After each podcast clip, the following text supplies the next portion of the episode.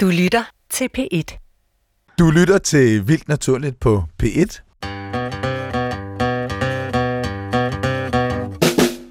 Din værter er Vicky Knudsen og Johan Olsen, og øh, Vicky hun er med os lige om lidt.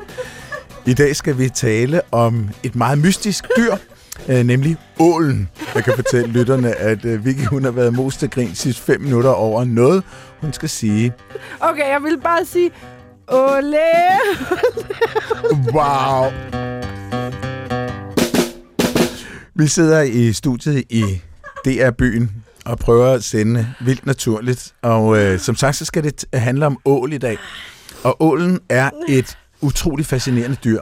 Det, man må sige, det er en af de mest specielle fisk, synes jeg. Altså, vi har jo tidligere, så har vi haft klumpfisken. Kan du huske det? Ja, det er jo en af vores yndlings. Det er en af vores yndlingsdyr, og den er kunne hjælpe med temmelig underlig. Ålen er måske ikke underlig, men den er i hvert fald mest af alt imponerende. Meget imponerende. Og en vaskeægte biologisk gåde. Ja, fordi det er ret underligt, at man kan have et dyr, som gør så mange ting, man ikke forstår mm. simpelthen. Vi har fået lytterspørgsmål også om ål. Og det har mest været, skal det være med røræg, eller purløg, eller hvordan er det, man, man gør det, ikke? Og det skal vi også vendt i dag, Ja, det skal Johan. vi. For kan vi overhovedet tillade os at spise ålen? Ja, netop. Altså, den er jo lige så truet som pandaer og næsehorn og tiger og hvad den vi det? ellers hører om. Er det rigtigt? Det er, tror jeg, men det kan vi jo spørge vores eksperter om. Fordi sådan en har vi fået fat på. Ja, fra Bornholm. Åleeksperten fra Bornholm. Med tilholdssted i Hirtals. Ja. Det er nemlig biolog og forsker fra DTU Aqua, Sune Ries Sørensen. Velkommen til. Velkommen til. Tak. Du er, står jo på skuldrene af en, øh, en lang tradition af dansk, øh, dansk åleforskning. Og før vi øh, øh, gik i studiet, så stod vi ude ved kaffemaskinen og talte om Johannes Schmidt, som jo øh, faktisk øh, var pioner inden for åleforskningen. Og jeg fortalte, at jeg arbejdede på, lavede mit speciale på Carlsberg Laboratoriet, der kan huske, der var tale om efterladenskaber for ham nede i kælderen, fordi han sejlede rundt på store ekspeditioner i verden og, og ledte efter ålens gydeplads. Ja, han er jo virkelig sådan uh, the godfather of in, i hvert fald i Danmark her, ikke? fordi han er dansker, og vi, vi kender ham uh, stort set alle sammen, i hvert fald os, der beskæftiger os med ål. Hele historien om ål, og hvordan man, man fandt ud af dens, uh, i hvert fald dele af dens gåder, er jo altså ekstremt fascinerende. Altså i 2000 år har man, eller mere end 2000 år, har man beskæftiget sig med, hvad hulen er det med ålen, og hvorfor er det, at vi ikke kan finde modne eller øh, kønsmodne ål i Europa.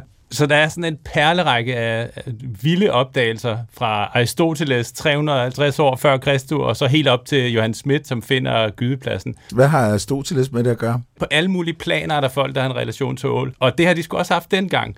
Og, øh, og det er så tydeligt, når man øh, læser om øh, Aristoteles' øh, op, øh, jagttagelser i naturen, ekstremt grundigt.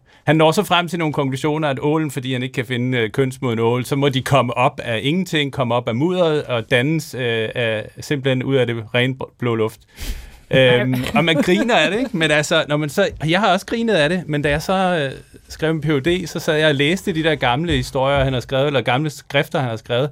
Han var jo sindssygt grundig. På datiden, der var der jo bare ting, man ikke kunne... Man havde jo ikke mikroskop, man kunne ikke se noget som helst af de der små detaljer, som vi uh, tager for givet i dag. Så, så det synes jeg afgjort var en vild fed ting, at uh, han brugte så meget energi på det, og havde så mange betragtninger om dens måde at leve på dengang. Det dogme, vi har i dag om, at, at liv ikke kan opstå af døde ting, var vel jo heller ikke etableret dengang. Overhovedet ikke. Jeg tror, det var nogle hundrede år efter Kristi, hvor man sådan siger, okay, en flue, den øh, kommer ud af noget rådden kød. Madikerne kan man se, men du har aldrig nogensinde set nogen flue komme og ligge det, ikke? Fordi de havde ikke mikroskop, de kunne ikke se de der ting. Altså, mm. bare sådan, nå, der er kød. Ud af kød, der kommer en flue. Ja. Altså, så den bliver skabt af ingenting. Mm. Så det er lidt den logik, der har været i mange tingene. Og der skal vi faktisk helt frem. Altså, der skal du helt op i 1700-tallet, for vi faktisk finder noget, øh, hvor, hvor, hvor der bliver fundet noget, der minder om æg inde i, inde i en, en hund af, af en ål. Lang tid. Seriøst lang tid. Ja. Og indtil da har man faktisk troet, at, øh, at de, øh, Plinius den ældre, for eksempel en, en, øh, en filosof i, i, jeg tror det var 70 år efter Kristi, øh, som troede, at de skrubbede sig mod stenene på bunden af søen, og så det der skrab, der kom, slimskrab, der kom ud af dem, det blev til, det blev til ål, ikke? Ah. Eller i England troede man, at sådan en hestehår, der lå og svømmede rundt i, øh, når de faldt af hesten og røg ned i søen, så blev det til, på sigt til åle, er sjovt. Altså, der har bare været kæmpe fest med Men gætværk du der. bliver jo også nødt til det, fordi hvis man er en stor anset øh, filosof eller Ja, andet, og, altså, svarene. du bliver jo nødt til at komme med et svar. Du kan jo ikke bare blive ved med at have den der ål, der bare nægter at lægge nogle det æg, eller være ikke. kønsmoden, eller noget som Altså, du bliver jo nødt til, Nå, så kommer de fra mudderet. Det er Altså, det er jo ikke anderledes end, så sover svalerne på bunden af søen, for Ja. det er der, vi sidst så dem. Så det, jeg kan godt forstå, at man ligesom bare har måttet drage nogle slutninger. Og især hvis du netop siger, at man, øh, som Aristoteles har været så grundig, så nytter det jo slet ikke noget, at man har brugt altså, timer og dage og minutter og år på at eftersøge et svar, og så, ikke, så må man jo til sidst bare sige, Ja. mudder.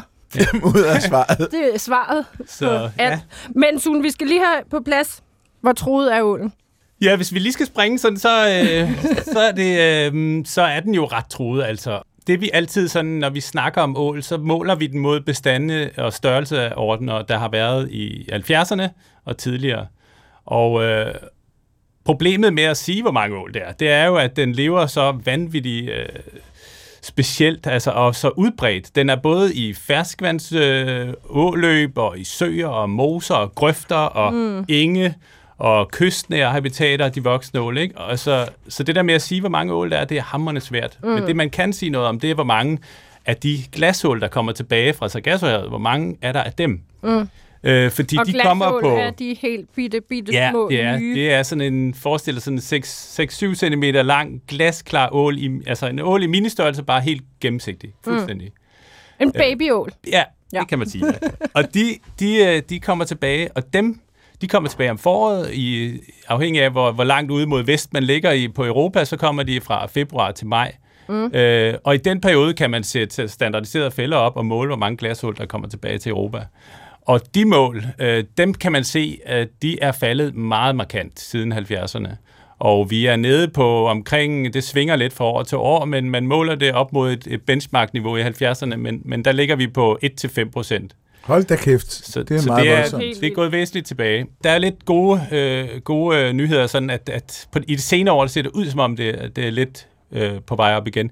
Men det kom altså også efter årtis øh, massive indsatser fra EU's side, altså hvor vi har øh, på alle mulige måder prøvet at favorisere øh, ålens øh, tilbagevandring mod Sargassohavet. Øh, man har alle mulige kriterier sat op. Man skal have sikre, at ålene skal have fri øh, afst- eller, øh, svømmemulighed ud til havet igen om, om efteråret, og øh, der skal ikke være illegal transport af glasål ud af Europa, og, og så vidt muligt skal åløb og floder være, være fri for begrænsninger af betondæmninger mm. og alt muligt andet. Så man har sådan nogle EU-målsætninger om, hvordan vi håndterer øh, handlings, eller sådan en ha- EU-handlingsplan for ål, og så sætter vi altså rigtig mange ål ud. Vi tager, fanger glasål, og så er, bliver det opdrættet i nogle måneder hos en øh, opdrætter, og så bliver de sat ud i områder, hvor der er tyndt befolket med ål, så at sige. Men Sune, for at øh, jeg og lytterne rigtig skal kunne forstå den her diskussion, så bliver jeg nødt til at spørge dig, om ikke du vil prøve at rise op, hvad livscyklus er. Jo, der er så mange ting med ål. Altså, den er så vildt kompliceret, og så vildt mange spørgsmål hele dens livscyklus rundt. så det der med lige at få det øh, sådan sat ind. Altså, nu, vi kender jo alle sammen ål fra Europa, og øh, her lever den faktisk også langt størstedelen af sit liv. Øh, den øh, kommer som sagt, hvis vi nu tager den fra glasålstadiet der, så kommer de op der i forårsmånederne, og så vil de søge op, og det er jo fuldstændig vild lille organisme. Den kommer fra saltvand, og så rykker den ind i ferskvand. Så hele det der switch, det har den altså åbenbart heller ikke noget problem med. Hvor gammel er en glasål? Ja, men det er så et lidt godt spørgsmål. Om det er et eller to år, det er sådan lidt uh, spørgsmål. Men det kan vi tage, når vi når rundt i bagenden Når der. vi når længere Yes. frem. Ja. Men bare lige for at pointere, med, med de fleste fisk, så er det, der er jo nogle få, der både kan tåle saltvand og ferskvand. Øh, men langt de fleste er jo enten knyttet til saltvand eller ferskvand. Og Ja. der er ålen Ja. så en af dem, der er pivlig glad. Og Ja, kan klare og det hele. lige, altså, ja, vi, vi kender jo det fra laksen, det er det, der hedder en anadromart, altså en, der er i saltvand og svømmer op i ferskvand for at gyde, og ålen er faktisk så lige omvendt. Mm. En katadromart hedder det. Katadrom, det lyder sådan lidt Super fedt ord. ja, som noget bygningsværk. Sådan en glasål, det, det er så bare sådan en lille kravleorganisme, der kan kravle øh, lodret op af klippevægge og over græs og igennem øh, områder uden vand og de vildeste ting. Altså simpelthen Wow. for at finde områder med, med vand, hvor den kan leve. Og ret kort tid efter den kommer ind på vores europæiske kontinent, så bliver den brun. øh, pigmentere. Øh, jøderne kalder dem øh, sylinge, og engelsk hedder det elvers. Og det er sådan mm-hmm. nogen, der søger op og ud og ind i ferskvandsområdet. Ja. Ja, så begynder de at spise, og så bliver det til det, der hedder guldål, som er sådan en gylden stadie. Det er sådan en okkergul farve, eller sådan en meget smuk gullig farve, de får hen langs siderne, og lidt mørkere gulligbrun på ryggen. Og de lever i ja, mange år. De kan leve op til ja, 20 år, 30 år måske, inden de på et eller andet tidspunkt er så store, eller et eller andet cue, som vi ikke aner, gør, at de får lyst til at vandre ud mod havet. Så de søger ud i åløb, eller over enge, eller hvad pokker der skal til. De skal bare ud til havet. Normalt så er der nogle hormoner eller noget temperaturudsving, eller de når, det skal kombineres med en vis alder og sådan noget. Og jeg læste, at ål skal i hvert fald være, det var i hvert fald for hunderne, altså minimum 8 år, før de overhovedet begynder at være kønsmodne. Nogle gange netop 16, og nu siger Ja. du 20 til 30. Altså, det er jo helt grotesk mange år for en fisk. Ja, der blev lavet nogle øh, undersøgelser i England, hvor de prøvede at kigge på aldersfordelingen af de der, der vandrede der, og der var faktisk nogen, der var, de yngste var 7 år, men de ældste var 70 år. Nej, Nej, Der, der er altså, så den er gået i 70 år uden overhovedet at have fokus hvis- på reproduktion. og hvis du, hvis du for eksempel, der er nogen i gamle dage i øh, Sverige for 70? eksempel, der holdt man ål, der kunne man finde på at smide en ål ned i en brønd, for ligesom at holde brønden øh, klar for amfibier og frøer og alt muligt andet tusser, der faldt ned i. Øh, sådan, så var det sådan en rensningsorganisme at have dernede, sådan en ål. Og der, hvis de er dernede, så kan de blive... Øh, der er sådan en fra Brantevik, en svensk ål, som er anekdote, er sådan anekdoter om, at den er 155 år inden døde. nej. Altså, og så er det også det, nu siger du kønsmoden, øh, Vicky. Altså, faktisk, øh, hvis vi skal sætte det i en eller anden menneskelig analogi, så er det ikke engang i puberteten. Puberteten sker faktisk først i det øjeblik, de beslutter sig for at vandre ud til, til, til havet. Øh, før det er de faktisk ikke engang øh, det, man kan kalde kønsmoden, eller i starten øh, faktisk heller. Øh, det er sådan en underlig stadie, og det er faktisk også, hvis vi tager et kryds tilbage til, hvor vi startede med at kigge, øh, hvorfor de ikke kunne finde kønsmoden ål, eller hvorfor det var så mega svært at finde kønsmodne hanner, kønsmodne hunder mm. på Europa, øh, i Europa igennem øh, de sidste 2000 år. Det er simpelthen fordi, de, de har det ikke. De har ikke de kønsorganer udviklet her i Europa. Det sker først, hele starten sker først, når de vælger at rykke ud mod havet. Okay, vi skal lige have lavet en, en hurtig øh, opridsning, inden vi går i detaljer. Så der er nogle æg, der bliver til nogle laver, som bliver til nogle glasål, som er øh, i Sargassohavet. Ved Bermuda, ikke? Jo, Florida ja. er den vej ned. Og så skal de hele vejen tilbage til Danmark. Æg, larve, glasål fra Sargassohavet til Danmark, fra saltvand til ferskvand, og bliver så der imellem 7 og 70 år Ja. i noget ferskvand et eller andet sted. Men man ved ikke rigtig hvorfor. De bliver der så længe. Og så rykker de ud i havet igen og tilbage til Sargassohavet. Ja. Så de yngler kun én gang i løbet af hele deres liv, uanset Ja. hvor langt det er. Lige præcis. Og der er også mange, Ja. som, øh, som, altså, nu sagde jeg, at de, de svømmer fra ferskvand. Der er også mange, som sætter sig langs øh, vores kyster. Altså, så vi har Mm. også mange ål, som lever mange år ved kysten. Men sådan, nu, nu er 70 år nok ekstremerne, ikke? Ja. Men, men, men øh, når man kigger på køn, eller aldersfordeling af de vandrende ål, så er hunderne omkring 12-14 år, og hannerne omkring 10-12, eller lidt mm. yngre hannerne i hvert fald. Og lige for at tage det med hanner og hunder, øh, det, ved vi, det vidste de ikke dengang, men det vidste vi, ved vi jo i dag, at hannerne er faktisk ikke mere end 45 cm, og hunderne kan blive helt op til 1,20, 1 meter eller sådan noget. Snakker man ikke om meget store ål, hvis de er over en Og meter? jeg tror, eller de største, vi har haft inden, det har været sådan noget 1,67 kilo eller sådan noget, ikke? Og så er det altså også en ordentlig base. Mm. Øh, det er nogle af de store. Bliver de ved med at vokse hele livet? Generelt med fisk, de, de vokser jo øh, vokser lidt hele tiden, ikke? Men, øh, men det stiller jo noget af. Men, øh, men de kan, fisk, der får masser af mad, de kan vokse helt vildt. Og inde i hovedet på den der ål, der er der simpelthen øh, en, sådan en, en låsemekanisme. Det er ligesom sådan en, øh, en, en kodelås, som bare er fuldstændig låst, inden den forlader Europa.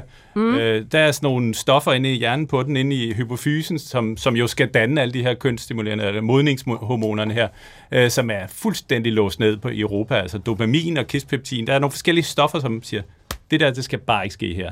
Nej. Og først når den får de der første øh, lyster til at svømme mod havet, så er der sådan en lille spæd opblødning på det, og vi aner ikke hvorfor. Altså, Nej. når de forlader Europa, så ser man aldrig de ål igen. Og er det alle mm, verdens ål, der svømmer mod Sargassohavet? Vi Eller har, er der andre, der lever et andet sted, som har et andet Ja, fydested? altså der er noget fælles for alle ål. Altså det, der hedder angila, altså en, en, art har jo et, et fornavn og et efternavn, og angila, det er den gruppe, som de tilhører, som næsten ligner hinanden alle sammen. Og der er omkring 18, øh, måske 19 arter af dem øh, i verden. Og, øh, og vores europæiske ål er en af de mest kendte, og så er der den amerikanske ål, og så er der den japanske ål, og så er der en af New Zealand, Okay. og så begynder det sådan at blive lidt mindre kendte. Og, og fælles for dem alle sammen er, at vi ved meget lidt om deres øh, reproduktionsfysiologi, som det hedder. Øh, den europæiske ål ved vi mere om, og den japanske ål ved vi mest om, mm. og den amerikanske ål lidt mindre. Ja. Øhm, men det kom, altså, der blev arbejdet intensivt på det, vil jeg sige, i, i de senere år. Men fælles for dem er, man mener, det stammer sådan en, det har en stamform fra 40 til 50 millioner år siden, som er sådan en tropisk ål, øh, hav, havting, som en af gætter, gætterierne er på, at, at dens larver ligesom har kommet op i overfladen, og så er de med havstrømmene blevet skyllet ind til kysterne, og så er ferskvandsåudløb og sådan noget er jo generelt meget næringsrige, øh, og så har man formodning om, at de har set, okay, der er en ny niche der, vi lige kan tage i brug af det der ferskvand, ferskvandsåløb, og, og så er det sådan, det ligesom er udviklet sig. Øh, men hvordan hulen af vores europæiske ål er jo ekstremen, altså det er extreme eel. ja. Den svømmer allerlængst. Det er 6.000 km, den har mellem hjem og, og Europa, ikke? Og er det inklusiv, fordi tit så læser man 5.000 km, men det er vel Ja. ja. sådan den mest direkte vej. Og så har I vel også fundet ud af netop ved at forske på det her, at det ikke er den direkte vej, de tager. Altså, Ja, så ja, lige rejsen er præcis. endnu, altså, så vi lægger lige 1.000 km til. Du skal forestille dig, at øh, den europæiske ål, det er jo en stor bestand. Det har man diskuteret i meget lang tid også, om, det er, om der er forskellige geografiske, øh, genetiske bestande. Ikke? Mm. Men det er en stor samlet bestand, har mm. vi nu fået cementeret med, med danske genetikere faktisk. Ja. Det vil sige, at, at de genetiske forskelle mellem individerne er lige så store som de genetiske forskelle mellem forskellige geografiske områder. Ja, altså okay. Du kan ikke spore noget rigtigt. Du kan spore, der er en lille tendens, øh, siger de, til, at, at de kan se sådan øh, tidsmæssigt, altså fra starten af foråret til slutningen af foråret, se lidt forskel i genet- genetikken, men, men ikke på geografisk relaterbart øh, Nej. plan. Forestil sig, at det er så en stor bestand, der rammer fra Grækenland til Kolahalvøen, altså. Ja. hele vejen rundt. Ikke? Det er jo sindssygt stort område, de sweeper ind. Og Som det... ligger hvor Kolahalvøen. Ja, men min helt, geografi... vi skal forbi Norge, Norge, Sverige, helt op, øh, ja, forbi over mod Finland, og så derop okay. Overfor. Så det er jo et enormt, område, de har. Øh, så ja. Det, du sagde, for at komme tilbage til det med 5.000 og 6.000, man hører lidt forskellige tal. Det kommer jo også an, hvis du rejser fra Kolahalvøen, så er der pænt langt. Hvis du rejser fra s- Portugal, så er der ikke så langt. vel? Nej, Så det, det er lidt det der med, at hvor, hvor man tager afsted fra. men det er jo også helt sindssygt, fordi at, er jo ikke fordi ålen ligner den bedste svømmer. Altså, det er jo ikke nogen... Men det er faktisk ikke helt rigtigt. Nej, men altså, hvis man Ja. ja. tænker på en super fisk, for eksempel, ikke, så er den sådan lidt... Den er jo meget strømlignet, det må vi give den. Men al, allermest tænker jeg jo nok på dens finder, fordi den, vil vel, den bevæger sig vel lidt ligesom en slange, sådan, ikke? Men man tænker, de der finder, der er alligevel ikke... Altså, en god svømmer, men altså, der må der være mere optimale, større finder, hvis man skulle så langt... Ja, ligne en makrel eller Altså sådan, bare, når Ja. man sådan lige umiddelbart tænker, ikke? Altså, fordi der er jo ingen tvivl om, at man svømmer godt, når man kan klare 5-6.000 km eller lidt mere eller lidt mindre. Det der, du siger med, at, øh, at de har ikke store finder og ikke svømmer effektivt. De svømmer faktisk, når man laver svømmeforsøg og, og cost of transport, som det hedder, det laver man meget med fysiologi i fisk. Mm. Der svømmer de faktisk relativt effektivt. Og så sker der noget andet syre, når de begynder at vandre ud mod havet, så ændrer de form. Nu snakkede vi om Nå. guldål. Ja. Øh, og det, der sker nemlig, når de begynder at vandre mod havet, så kalder man dem blankål. Det er de helt fuldvoksne. Det, ja, ja, dem, der begynder at vandre Eller- ud og modne, ikke? Det Fordi, øh, hvis, også hvis, man siger de fuldvoksne, det er dem, der er modne. Og så er de sådan på vej, puberteten, ja. Ja. så begynder de at blive blanke. Og så får de hen ad siden, i stedet for den der gullige farve, så bliver de sådan det smukkeste koverfarve. Altså sindssygt flot. Øhm, og så sker der noget andet syret. Så finderne vokser, øjnene vokser. Altså det hele taget til, tilegner de sig levevis i havet Nå. i stedet for. Og, øh, og hvis vi kigger på deres fordøjelsessystem, så det genererer, hele tarmen degenererer. Så de spiser ikke på hele den der sindssygt lange rejse der. Så der sker altså fysiologisk set en masse forskellige ting, når den vælger at vandre ud der. Dels i hjernen, hvor modningsaksen begynder at løsne sig, og, og hele øh, køns, øh, altså de kønsstimulerende hormoner begynder at kunne blive frigivet. Den blokade øh, løsnes, og så vokser finderne, øh, øjnene vokser, og farven bliver anderledes. Den bliver sort på ryggen, så den er er mere usynlig fra, mm. fra oven og fra rovfisk, og, og så begynder den at vandre afsted. Skifter den så først farve, når den kommer ud i havvand? Er det det, der er faktoren for at skifte farve? Eller kan den godt skifte farve, når den er inde i ferskvandet, og så stadig vente øh, fem år med at vandre? Forstår du, hvad jeg mener? Det, det sker faktisk lige i det øjeblik, at, øh, eller i de korte periode, inden den vælger at vandre. Og den, den vælger at vandre i august, starter den typisk, og det er også syret. Det er altså kun nymåne, hvis du kan få sådan nogle lorte, rigtig lorte dage med vejret, altså regn, rusk, kulde eller et eller andet, øh, sådan en dårlig periode der i slut af august, øh, i nymånen, så rykker de. Altså. Og så, Så er det er det nymånerne fra i august, september, oktober, november begynder det at klinge af, og i december begynder det sådan ligesom at der bliver det for koldt. I hvert fald i vores del af, øh, af verden. I Ro- Sydeuropa, der vil de også vandre i december. Men øh, hvorfor det? Nymåne. nymåne. kun nymåne, ja. Altså, vi har jo i vores forsøg øh, brugt øh, vildål til at prøve at, at formere og lave ål kunstigt. Og der har jeg brugt mange, mange, mange nætter i øh, underhyler, været ude og samle ål op i en ålekiste op i Klit Møller, øh, hvor vi får vores ål. Og det er, altså, der er ikke nogen fisk, der er så fed som ål. Det er, det er virkelig, virkelig fedt. Og, og det der med mystikken, det skal, være, det skal være mørkt, det skal være mystisk, det skal være op ad bakke. Det er der, hvor det er godt. Det var det godt. Men det er også det, fordi hvis det så var, nå, nymåne, ja, så var der måske altså en faktor her, men så siger du samtidig, at det skal helst være så dårligt vejr som muligt, Ja. nærmest samtidig med, at der er nymåne. Det er, Hvordan jo, ved den, det er nymåne? det er ligesom, da vi snakkede om flagmus, det ja. der med, at de kan ekolokalisering, og det der, vi mennesker ikke kan, så er det jo bare ubegribeligt. Ja. Og der må vi bare give ålen, at den kan så mange ting, at det går ud over vores forstand. Så, så svømmer den afsted ud for Europa. Har man så kunnet følge den hele vejen over til Sargassohavet? Ja, altså det, det har man jo ikke kun før, men, øh, men, men øh, de senere år, fra øh, jeg vil sige 2009 og frem, har der været en, en strive mega spændende forsøg. Altså hvor man har, øh, vi har en forsker i DTU Aqua, som arbejder meget med, med, øh, med, med mærker og mærkning af dyr for migrationsmonitering. Øh, øh, øh monitering. og øh, han har sat sådan nogle små mærker på ryggen af ål og har været med i et større EU-projekt, hvor de har prøvet at sætte, øh, hvad er det, 700, tror jeg, 700 ål, de har sat ud rundt omkring i Europa med de her mærker på. Mm. Og så har de fulgt ålene øh, de kommende, eller de efterfølgende 6 øh, seks måneder der. Og så efter noget tid popper de her mærker af, og så sender de øh, lysmængde, temperatur og dybde data op til en satellit, som. Ja. de så kan hente. Og ud fra det er der altså kommet altså, mange fiser rundt i alle mulige mærkelige retninger, men nogle af dem tager den rigtige retning. Og dem, der gør det, der ser man så det vildeste øh, fænomen af op og ned, altså daglige op- og nedvandringer. Udover der er Altså i, 5-6 i vandlagene? Ja, udover der er 5-6.000 km til Sargassohavet, så vælger de så også lige at gøre det sådan, at de er om natten, så svømmer de op på 1.500 meter, 100 meter. Om dagen går de ned på 700, helt ned til 1.000 meter.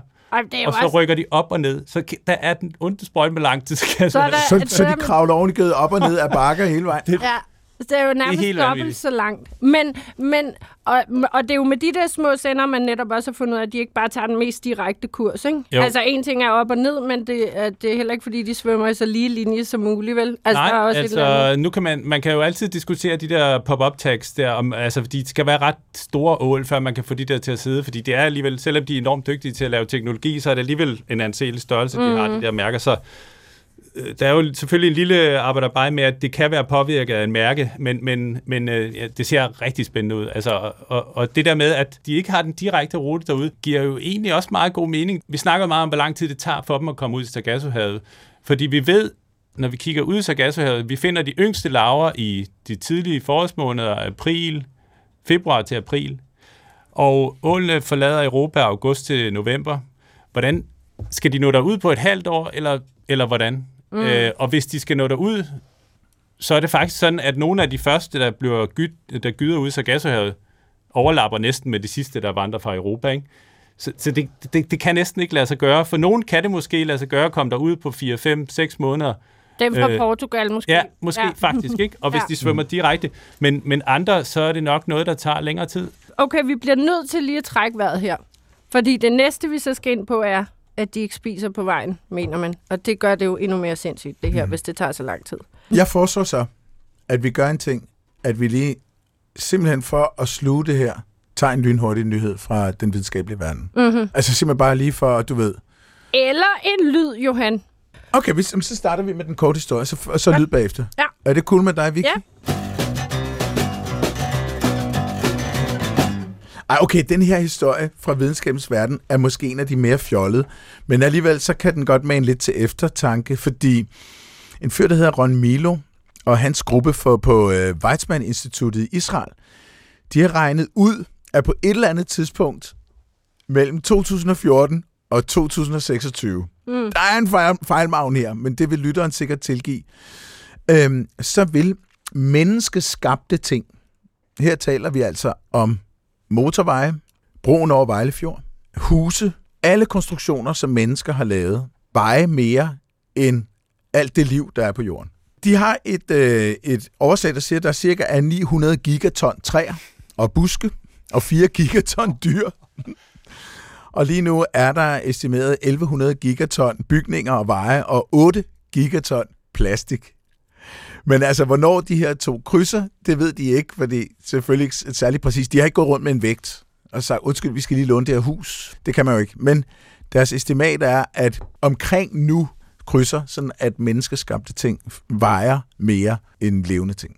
Ej, Men Det, jeg ved ikke, hvad man skal gøre ved informationen. Ej. Jeg synes bare, det er sjovt. ej, hvor er det sindssygt. Okay, Vicky, har du en lyd? Nej, men jeg har en lille kort historie, fordi Nej, den er ja. så oplagt til i dag, og handler om ålegræs. Ah, din yndlingsplante. Ja, næsten min yndlingsplant, og meget oplagt i dag. Det er jo nærmest den, der udgør en eng under vand. Ja. Som en blomsterrig eng på land, så har man ålegræs i vand. Ja. Nå, men pointen er, at i Middelhavet er der en endemisk art, der hedder Posidonia oceanica, som ligner vores ålegræs meget. Øh, jeg har ikke så meget forstand på de forskellige arter af ålgræs, men umiddelbart ligner de hinanden meget. Men forskere har fundet ud af, at det her øh, ålgræs muligvis helt naturligt fanger millioner af små plastikstykker, som vi jo er meget øh, ked af at have ude i havet. Fordi at de simpelthen altså, har nogle blade, der netop er formet sådan, at man kalder det Neptune balls, altså fanger, opfanger det her plastik. Og når så det her ålgræs, ålgræs, det river sig tit løs fra havbunden, hvis der først er sådan en god efterårsstorm eller sådan noget. Og det ser man også i Danmark, der kan man også især om efteråret eller vinteren se ålgræs skyllet op, fordi det bliver nemt reddet løs. Og så har de jo simpelthen været ude og kigge på det her ålgræs, når det er skyllet op, og har estimeret, at de her Neptune Balls fanger op til 867 millioner plastikstykker i Middelhavet hvert år. Så man så simpelthen bare kan gå rundt og samle op på strandene. Ja, Mere ålegræs. mere ålegræs. Øh, men det skal selvfølgelig heller ikke rive sig løs alt sammen. Men man kan også bare lade være med at blive ved med at smide plastik i havene. Men jeg det synes, var det er en bedre løsning, helt klart. en skøn opdagelse, de. Ja. har gjort, de her forskere. Ja, den er dejlig. Så kommer der en lyd nu. Og der må jeg bare sige, det er altså en genial lyd, jeg har fundet i dag. Ikke for at rose mig selv, men der synes jeg lige, jeg skal rose mig selv. og det fungerer som altid således, at vi spiller lyden nu, og så afslører jeg den først til sidst i programmet, så kan I lige sidde og tænke lidt over, hvad det kan være for en lyd. Og det samme kan lytterne. Nu kommer lyden. Okay.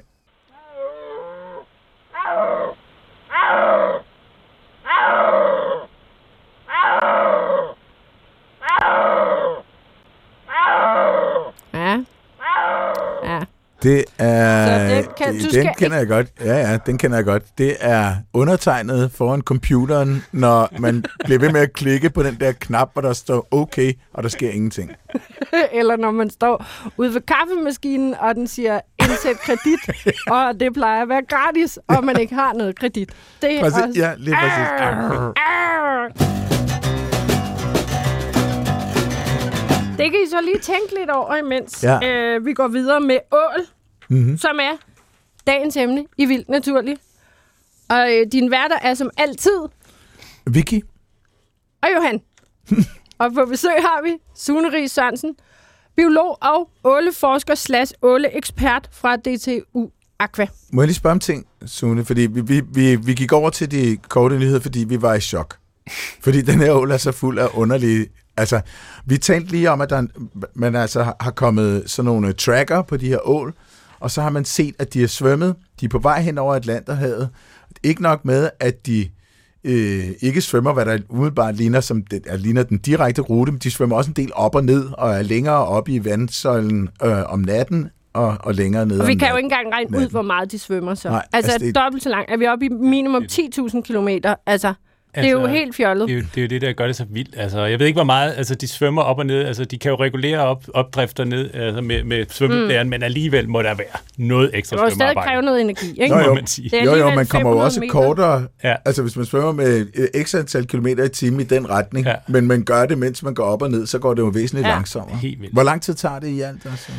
Ja, men øh, det, jeg synes, der var sjov, også sjovt ved det der store studie, de lavede, øh, det var, at, øh, at, de, at de kommer frem til, at det faktisk er sådan noget, noget øh, dynamisk, hvor, hvor nogen svømmer der sikkert over meget hurtigt, og andre er måske et år, år eller, eller lidt mere om at, at nå derud. Mm. Øh, men, men det, man har som, for nu at tage livscyklen, livscyklusen lidt længere, så det næste skridt, man ligesom har af fikspunkt at holde sig til, det er faktisk det, som Johannes Schmidt, som vi startede med at snakke om, mm. det han fandt ude i Sargassohavet. Han fandt jo ålelaverne derude.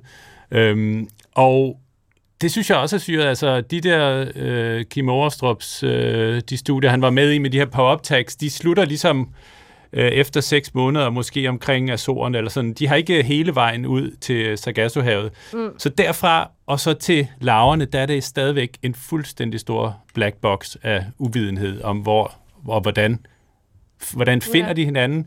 Øh, hvordan øh, er det er det et stort øh, bunkebryllup derude eller er det hvordan hvordan foregår det derude, ikke? Og vi har, ved, vi, æggene ved vi heller ikke, hvor er derude. Dem har man jo søgt i øh, overvis. Altså. Har man aldrig fundet æggene? Aldrig fundet Det er jo sindssygt. Ej, men nu, nu bliver jeg nødt til at være djævelens advokat her. Alle taler om Sargassohavet. Er det der, de gyder overhovedet? Altså, ved du det? Eller er det der, sporet ender blindt, og man finder laverne? Altså, der er sådan, der er mange, som vedbliver, og jeg har en kollega, som vedbliver ved at skrive, når vi skriver artikler, så man formoder skriveren. Og jeg bliver altid sådan lidt irriteret over det. Det er jo der, det er jo der. Du har de tidligste, tidlige, få dage gamle laver, fanger du der. Men du fanger ikke ålene, og du fanger ikke æggene. Og det er jo mærkeligt, ikke? Kan man forestille sig, nå, så når vi til Azorerne, og så sprøjter vi lige æg ud og så drager de også med havstrømmen, og ender ved Sargasso. Har man nogensinde fundet øh, øh, laver andre steder end ved Sargasso? Det har man, men det der er hele, hele grundsubstansen i, uh, i Johannes Smits arbejde, han brugte over 20 år på det her, det var hele tiden at søge mindre og mindre laver. Han brugte jeg tror ikke, det er sådan et, et helt arbejdsliv brugt på at fiske efter ålelaver og finde ja. dem mindre og mindre og mindre. Ja. Han allierede sig med, med damper, der sejlede mellem Amerika og Europa, og fik dem til at trække efter øh, laver og dampskibe rundt omkring. Han samlede prøver ind, sorterede og sejlede selv med 3-4 skibe rundt. Altså virkelig dedikeret indsats, hvor han prøvede wow. at finde dem mindre og mindre, og han ender derude, og der er ikke nogen, der faktisk har lykkes med at rokke ved det og det, øh, det synes jeg er meget sejt. Altså, at det er sådan noget, vi, ja, vi har raffineret det, vi ved mere, vi ved masse om hydrografien og planktonalgerne og hvad de spiser derude og sådan noget, men, men, men der er ikke sådan sket det helt vildt store der i fordelingen. Vi har fundet ud af, at, øh, men det var faktisk også ham, der startede med at finde ud af det, at, at de deler lidt øh, Sargassohavet derude med den amerikanske ål og den europæiske ål, og der er den europæiske ål til øst, og den amerikanske ål mod vest.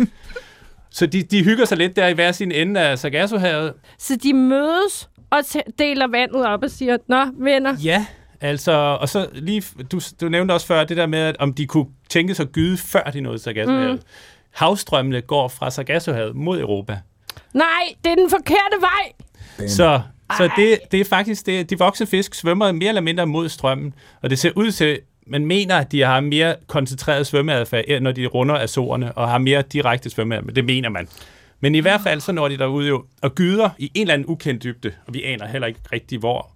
Og så er, som du siger, så er jo ret stort. Altså, det er næsten lige så stort som Europa. Øh, og jeg har sådan tænkt sådan, hvordan, altså, hvordan man skal forstå det der, fordi det virker lidt pinligt, at man aldrig har fundet de der æg eller de gydende ål der, ikke? Men forestil dig at hænge i en luftballon 1000 meter over Europa, og så sende sådan en spand ned eller sådan et eller andet, ikke? Og så, så, så skal du fange et eller andet givet objekt dernede. Du ja. aner ikke, hvorhen. Men ved vi, hvilken dybde vand de gyder på? For det, normalt vil det jo være lidt lavere, så æggene kan sætte sig fast nogle steder.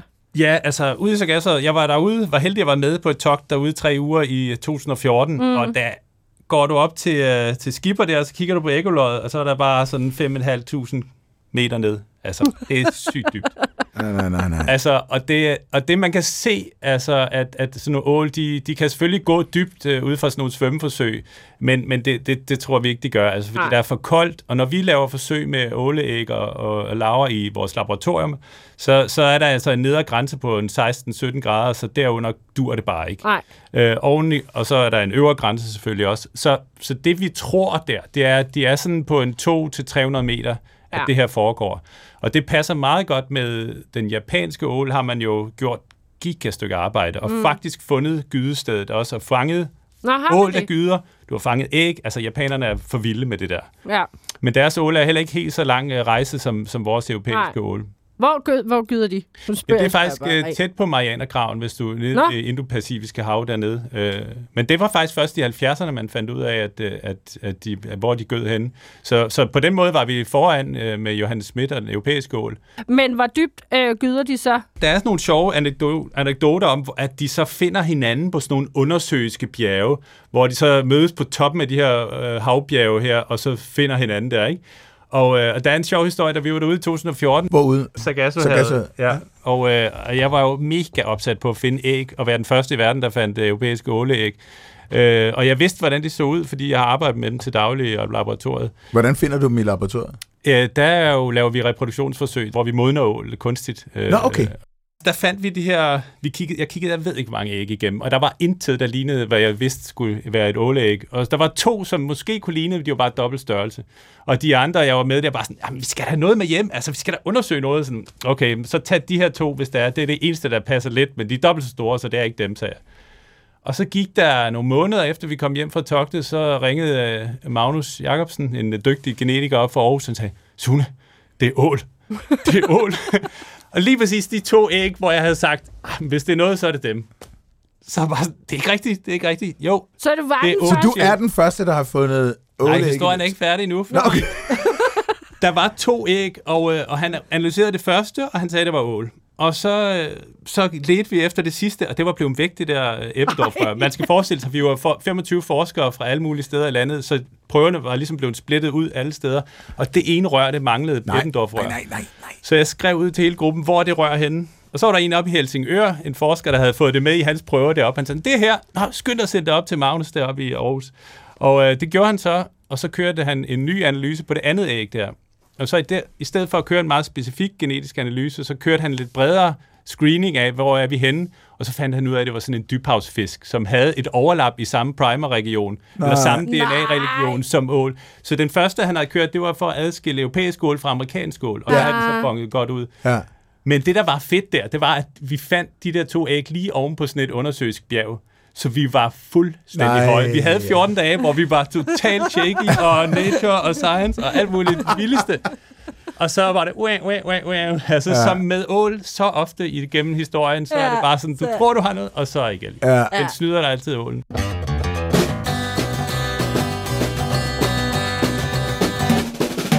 Du lytter til Vildt Naturlig, og øh, din værter er Johan Olsen og Vicky Knudsen. Jeg er gæst i dag, jeg hedder Sune Ries Sørensen, og jeg skal snakke om ål.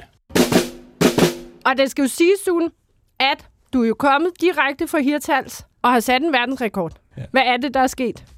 Ja, lige allerførst vil jeg sige, at jeg er jo absolut ikke enig om det. Vi er jo sådan en stor gruppe, og vi arbejder meget, meget tæt sammen. Og det er sådan kun, tror jeg, at vi kan løse de her problemer med, ved at være fælles om det, og dele vores erfaringer og arbejde i fællesskab. Så jeg er langt fra enig om det. Nej, Men altså vi- både Danmark er- og Europa, ikke? Ja, men, men øh, jeg vil sige også her i Danmark, øh, og DTU har været meget øh, aktiv i at sammen med, med, med dygtige industripartnere og, og blive ved med at presse på, og blive ved med at søge fonde og få projekter, så vi faktisk ja, de sidste 10-12 år, ja, jeg har været med i 12 år næsten, mm. har, har kunne arbejde med det her og prøve at rykke, mm. rykke os fremad i, i forståelsen af det her. Så derfor er det jo bare super fedt, at vi kunne fejre 100-dages fødselsdag for vores øh, lille ålelav i Nordjylland i Hirtals, i vores øh, prototype klækkeri. Vi har simpelthen bygget et helt klækkeri derop kun til ål. Man kan ikke opdrætte Nej. i fangenskab. Og det, der, hvis vi husker det der med, at, at øh, den der blokade op i hovedet på dem der, at de skal simpelthen svømme, øh, svømme så langt, før at den blokade den ligesom løsner hæmningen der.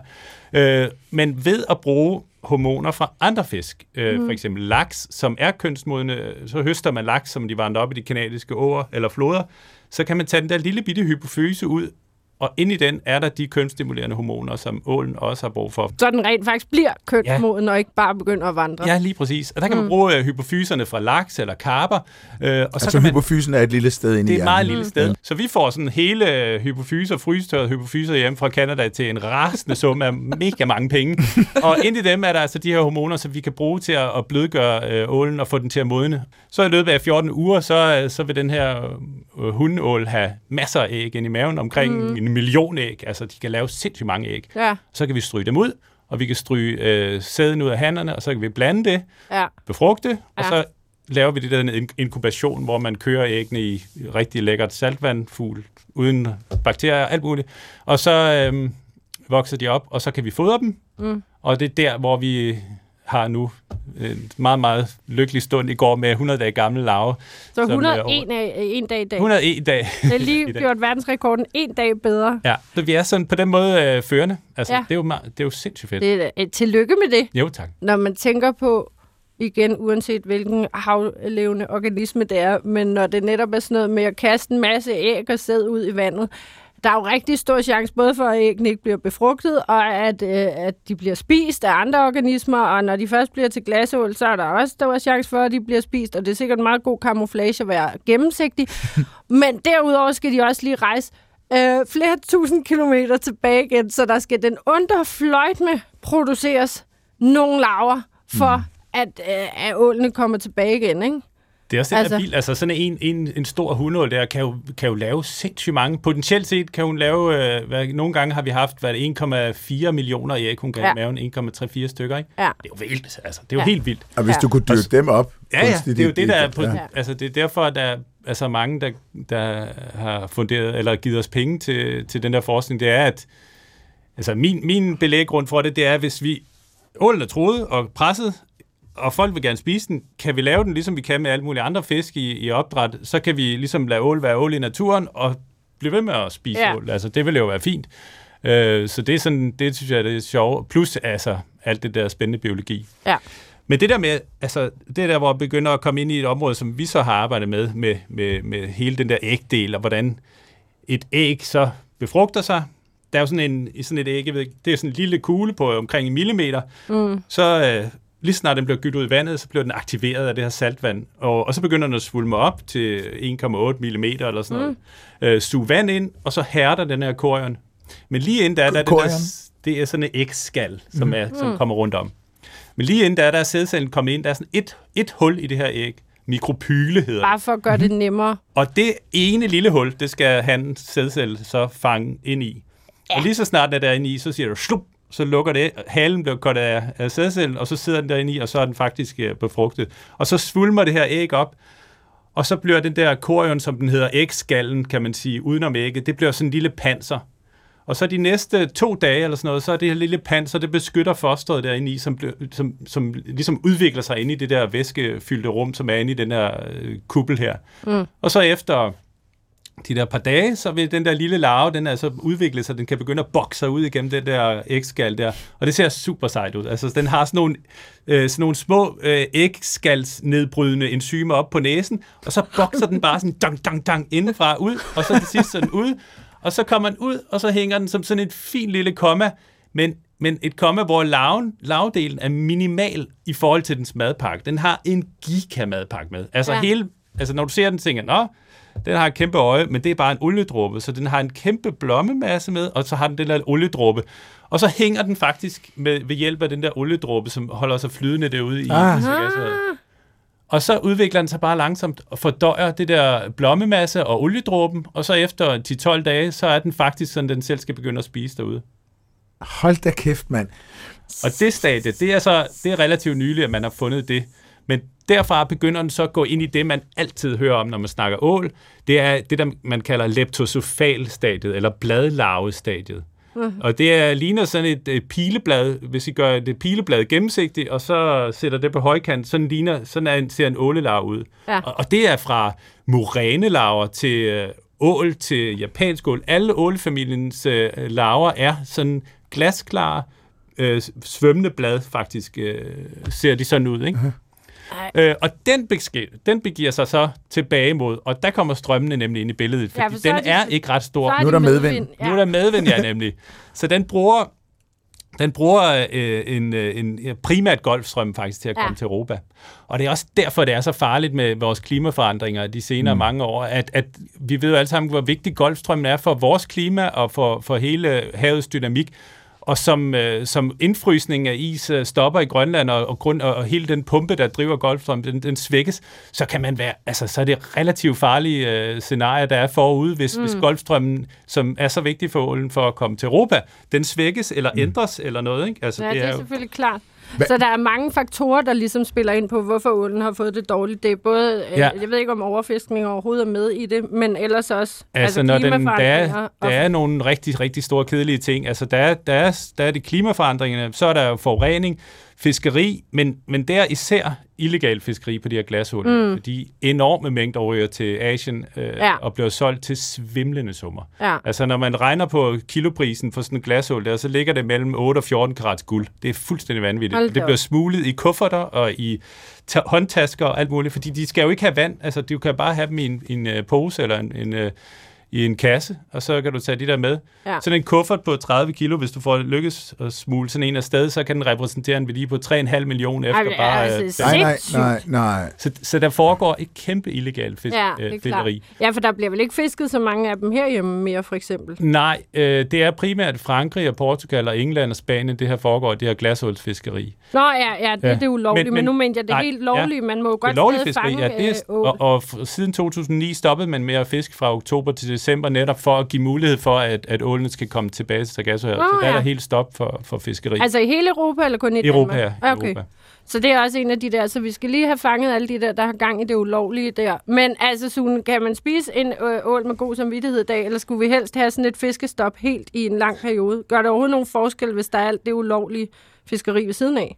Altså, jeg vil sige det på den måde, at, øh, at vores midler er jo 100% betinget af, at der stadigvæk er et økonomisk drive i ål, og der stadigvæk er et salg af ål. Sådan, hvis vi overhovedet ikke spiste ål, og der ikke blev opdrettet noget ål, så er jeg også måske lidt bange for, at det var sådan lidt, øh, okay, hvad, hvad skal vi så med den? Der er jo stadigvæk en del ål, altså, men, og den går bare meget tilbage. Øh, så det der med at have et fornuftigt brug af den, og, øh, og, og, øh, og den handlingsplan, som, øh, som øh, bliver lavet i EU. Personligt synes jeg, at det vil være fornuftigt at, at holde et moderat forbrug af ål, øh, fordi mange af de opdrættere, vi har, de sætter altså langt størstedelen ud igen, og de er med til at, at lave det opsving, vi måske ser i, i en lille opsving, vi måske ser i rekrutteringen af, af glasål tilbage mm. til Europa. Mm. Så det er, og det er også igen ål i en nødskal. Altså, der er ikke nogen simple solutions. Det er bare kompliceret, mand. Det er bare... Men det er fordi, jeg har læst meget om det her øh, netop med et midlertidigt stop. Altså, man bare gjorde det en periode, fordi hvem kan... Altså, jeg synes, altså, ål med røræg er jo noget af det mest fantastiske, jeg overhovedet kan tænke Ja. på. Ja. Men jeg har jo nærmest ikke tur at spise ål de Nej. sidste år, efter jeg har fået at vide, hvor mm. dårligt den har det. For jeg troede faktisk ikke, der var opdræt af ål til salg. Det er der, altså, øh, men, men, øh, men ikke ret meget mere. Og det er mest af alt, fordi at mange øh, supermarkeder og øh, på, på anbefaling af NGO'er har sagt, øh, stop med at spise ål. Altså, Ja. og det... Øh, og jeg kan sagtens forstå baggrunden og alt muligt, men jeg synes bare, det er lidt mere kompliceret, eller det er lidt mere sådan nuanceret end, Ja. man, end det. Og så skal man jo også tænke på, at ålen, for at der er lavet nogle udregninger for, hvor lang tid det vil tage ålen at komme tilbage på fod, fordi den har sådan en lang reproduktionscykel. Det er det svarer ligesom til at hælde lort ud på en overflade af jorden der. Det tager lang tid, inden det kommer ned i grundvandet. Det, mm. det er lidt det samme med ålen, ikke? Altså, det, mm. den er jo i Europa 10-15 år, inden den vælger at svømme derud, og så går der yderligere to år, eller hvad, til de der laver kommer tilbage som glasål. Mm. Så, så hvad vi gør i dag, det har først øh, implikationer langt ude i fremtiden i forhold til at få flere ål. Ja. Og vi har jo trods alt ikke kørt den der handlingsplan i EU i, i så mange år. Så det der med at, at, at være lidt tålmodig, det ser ud til, at der er små bitte positive krusninger i, mm. i kurverne fra 14 og, og, og til 18 i hvert fald. Er der Men- nogen, der ved noget, hvad det har betydet for økosystemet i Sargassohavet, at der er så meget, mange færre ål, øh, der kommer derud? Hvis der kommer, jeg ved ikke, hvor mange tons ål derud, som så dør, når de har gødet, Ja, de, øh, de må jo blive spist af nogen. Altså, der må være og Ja. alle de æg og Ja, alt det der. kunne forestille mig, hvis man øh, tager ned på bunden af Sargassohavet under der, at, øh, at der er et specielt speciel fauna dernede, som, som sikkert i over, eller millioner år har tilpasset den næringsberigelse, der er dernede. Men det er jo også noget, vi ved det jo faktisk heller ikke mm. rigtigt. Vi kan bare se, at når vi... Øh, for eksempel fandt japanerne jo en ål, som lige havde gydt dernede ved, ved deres skydeområde der, og da de, havde, de tog dem op, så døde de ret kort tid efter. De er så svækkede, altså det er sådan en kraft... Forestil dig den der svømmetur, ikke? Ja. Det er en fed fisk nu vel, men svømmeturen på de der 5-6.000 km op og ned, hele vejen derud, modne, lave 1, whatever millioner æg, ja. gyde dem derude over flere gange. Altså det, vi mm. kan se i vores forsøg, er også, at de kan gøre det flere gange mm. med nogle 3-4 ugers mellemrum. Jo. Og tarmsystem, der degenererer, det er altså op og bakke og komme igen. og jeg, jeg, tror, jeg tror altså simpelthen bare, at de synker ud ja. i de stille uh, ingenting dernede, og, ja. og det er jo det er, jo, det er jo sindssygt smuk historie, synes jeg. Mm. Ja, ja, ja, helt vildt. Altså, jeg har set, øhm, har du set ål i Danmark? Ja, det har jeg. Det har jeg. Jeg så mest i Norge, i Skærgården i Norge, som mm. ung. Der kunne jeg huske, at vi kunne stå og kigge fra målen, og så af til, så kom der en kæmpe stor ål. Er det rigtigt? Ja. Nå, for jeg har kun set to gange. Og den ene gang var en skav, der fangede en, så jeg lige kunne nå at se den, sådan, inden den røg i mausen. Øhm, den så så ikke så stor ud. Den. Det kan være, det er en af de der, der har holdt sig til saltvand. Jeg ved det ikke. Men den anden, den lavede det ål, også kan, som gør dem endnu mere overlegne. Jeg så simpelthen en ål kravle hen over land for at komme fra en det sø til en anden sø. Så jeg har været så heldig at se en vaskeægte ål det, tonse hen over græsset. Det kan jeg godt se. Ja, det, det er den eneste gang, jeg har set en ål. Men de er jo nataktive, så det, det, man skal ligesom op om uh, midt om natten, hvis man... Hvis Jamen, man det her var jo netop midt ja. om dagen, men det kan være, der lige, så lige pludselig har den tænkt, det, jeg må tage chancen. Der er simpelthen for ildfattigt nu, eller whatever. Der må være et eller andet, der er trigget, at den lige pludselig sprang på land. Ved man, hvor længe de kan klare sig uden mad? Der er uh, undersøgelser, der viser, at de kan gå flere år uden at spise. Er det altså, rigtigt? De er, de, er, de, kan, de er så vildt nøjsomme. Jeg tror, det er fem år eller sådan noget. Der, Ej, det er jo Hvad siger du til mig? Når vi har dem op ved vores anlæg der, så når vi får, får ål ind der, så en gang om morgenen der, så kan jeg komme, komme ind, og så er der altid nogen, der hopper ud af karret. Og så sådan en enkelt eller to, ikke? Og, og så kommer jeg ind om morgenen der, og så ligger der sådan en på gulvet, og tænker, ej, hvor ærgerligt, og sådan. Så kan man tage den op, og du kunne lægge et stykke køkkenrulle på den, uden at du kunne se fugt på det der køkkenrulle. Den er knastør. Så tager du den op, så lægger du ned i vandet, og så siger det bare, bum, Nej. så svømmer den. Nej. Det, du tror, det er løgn, uden, inden man har set det. Den har sådan en akilleshæl, det er, hvis, du, hvis der ikke er ild i vandet, så drukner den. Ja, altså Sune Ries Sørensen, vi har ikke mere tid.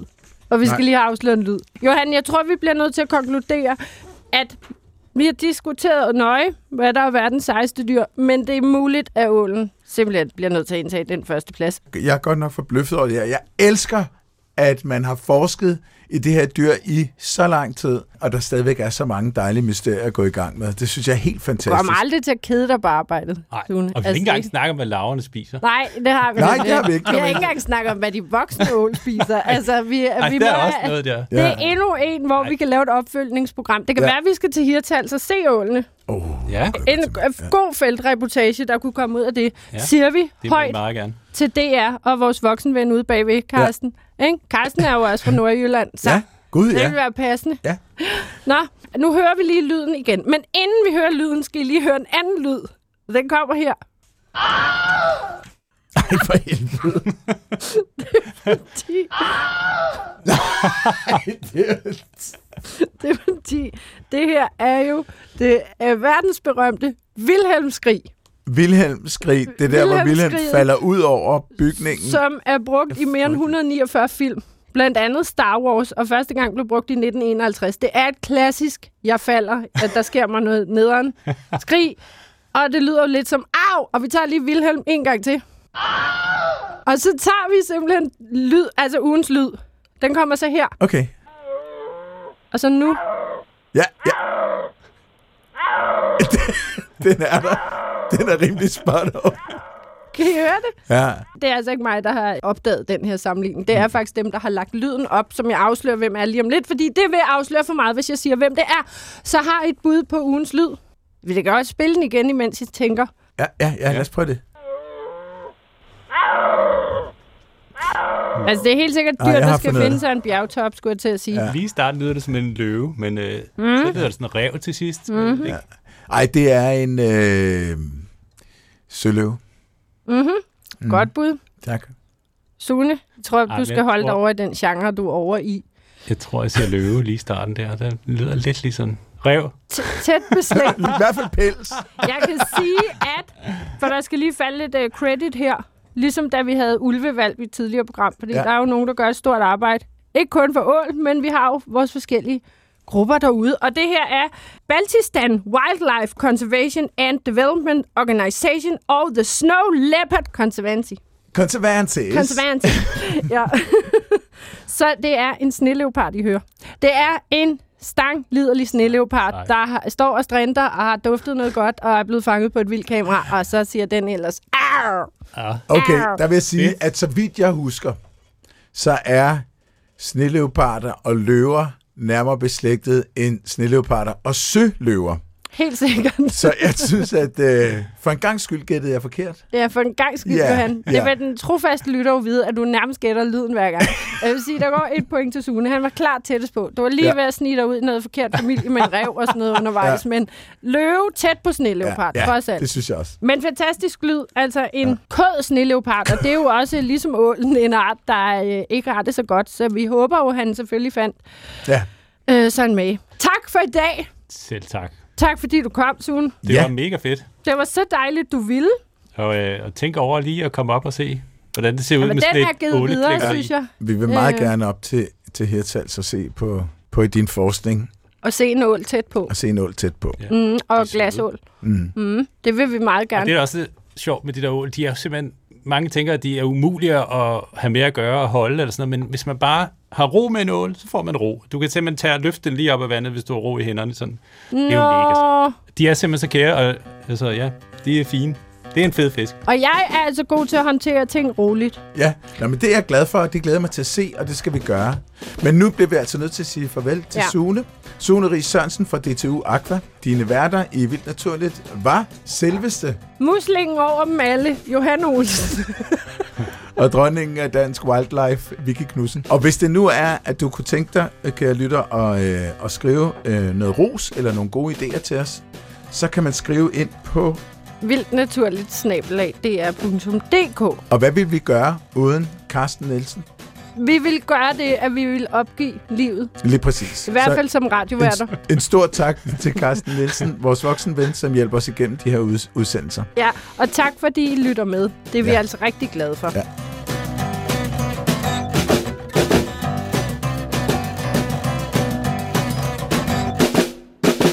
Hør flere podcasts fra P1 i appen DR Lyd.